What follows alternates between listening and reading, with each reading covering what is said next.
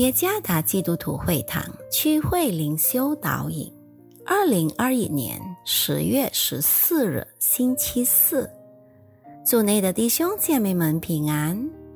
今天的灵修导引，我们将会借着圣经诗篇一百篇第二节来思想今天的主题：带着喜乐。作者何曾里传道，诗篇。一百篇第二节，你们当乐意侍奉耶和华，当来向他歌唱。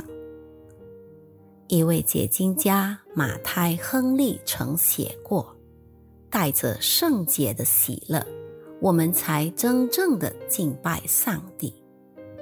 当我们在他里面喜乐，就是荣耀他。”那么，我们应当以圣洁的喜乐来敬拜他。福音派的敬拜者应当是喜乐的敬拜者。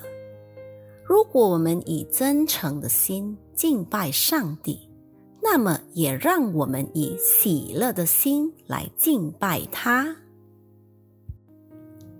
诗篇其中一个针对上帝子民的强调重点。就是邀请来敬拜上帝，这跟以乐意的心侍奉上帝是息息相关的。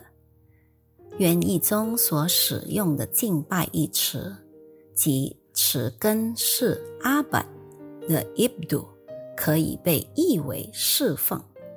然而，这里所谓的侍奉，不是没有亲密关系的侍奉。而是具有非常密切关系的侍奉，敬拜者渴望来认识和敬畏他们所敬拜的上帝。他们的侍奉或者敬拜总是与乐意侍奉有关联，因此，上帝子民的敬拜总是与他们对上帝的侍奉互相关联。他们如此行。是处于与上帝密切的关系，他们以充满喜乐的心来认识和敬畏他。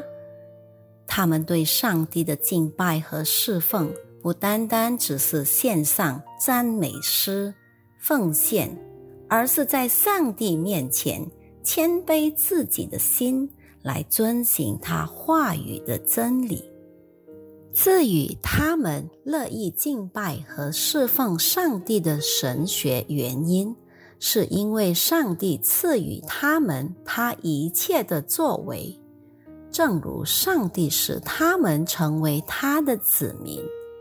这意味着上帝是创造者，是他生命唯一的主。参看第三节下。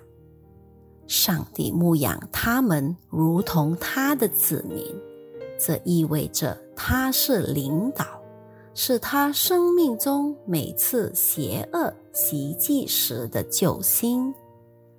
我们现今的生活也是如此。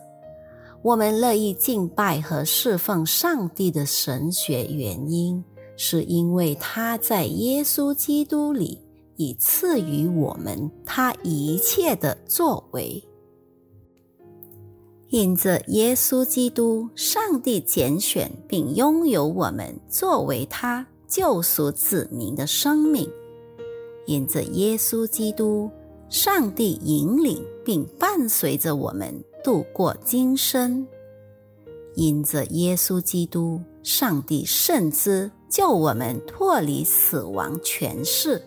以及邪恶的权势，因着上帝儿子耶稣基督，上帝从我们在地球的存在，直到将来的永生，一直在我们的生命中工作。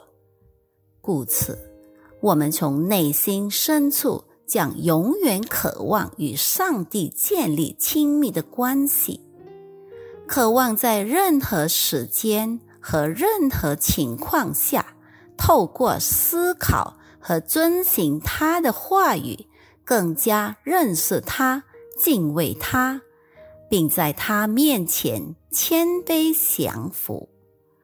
上帝敬拜者和侍奉者最大的喜乐，就是基督十字架的工作。